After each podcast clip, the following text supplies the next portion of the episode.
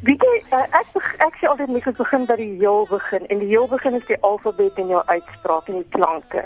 Weet jy, dit is waar mense mense moet begin want as jy daai 'n uh, eh, basis het, dan kom die ander goed voel ek weet natuurliker by en saam met jou weet jou alfabet kom dan weet is woordeskat. Woordeskat is die ander belangrike ding want dit is die dit is eintlik die grootste proses vir uh, of probleem vir mense wat 'n taal aanleer is dat hulle voel baie kan hulle nie die nodige woordeskat nie. Maar ek sê begin begin by die begin, begin met jou ABC om daai onder die knie te kry.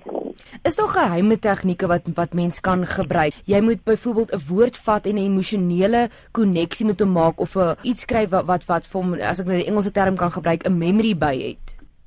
Daai tegniek werk baie lekker. Ek weer gebruik 'n visueel. Die, jy weet, so vir my is dit as jy 'n visuele prentjie um, ook het sodat jy die koneksie kan maak van dit is die klank en dit is hoe dit lyk, weet, die woord en dan bringe mense nou ook nog daarbey die emosionele konnotasie wat jy het.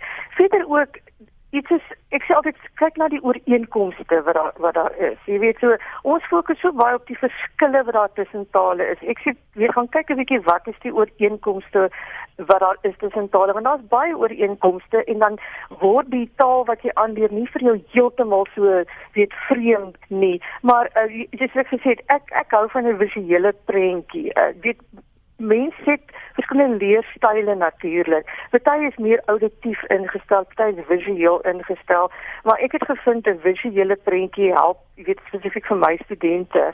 So ek maak maar altyd 'n visuele weet prentjie daarby of 'n weet 'n koneksie wat hulle daarby kan sit.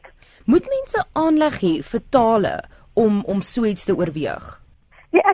Enige iemand kan kan 'n taal aanleer. Jy weet dit is net so sommige mense het meer 'n taal aanvoeling as wat weet ander het. Party is jy weet as 'n mens wiskunde, party is meer wiskundig of musiek. Dit is net soos met tale, maar enige persoon kan 'n taal weet aanleer. Die proses gaan dalk net vir die vir een wat nie so taalvaardig is, dalk 'n langer proses weer wees of 'n meer uitdagende uh, proses wees. Maar weet jy, ehm um, dit dit is 'n enorme ding om 'n taal aan te leer en dit baie keer is dit weet dis 'n dis 'n emosionele ding en dan wil ek amper sê mentale blok wat die mense in jou kop moet kry. So motivering speel 'n geweldige rol um, in 'n taal aanleer en hoekom jy die taal aanleer en om dit weet breek dit af. Ek sê besoek ook ons breek dit af in kleiner doelwitte dat dat dit weet hanteerbaar is. Wat moet jy doen om hierdie taal dan te onthou as jy dit nie elke dag kan praat nie? Weet jy dit dit is 'n dit is 'n uitdaging maar ek dink met die tegnologie vandag word dit baie weet makliker vir 'n mens. Jy weet ek dink is musiek om na lirieke te luister musiek te luister in die taal wat jy aanleer. Mense vergeet vir, weet baie keer die die wonderlike waarde wat musiek musiek het vir 'n mens. So as jy kan die series kry musiek luister van die taal wat jy aanleer luister daarna Ehm um, ook TV-programme weet waarna mense kan kyk. Uh weet as jy kan op YouTube gaan gaan kyk of daar iets is.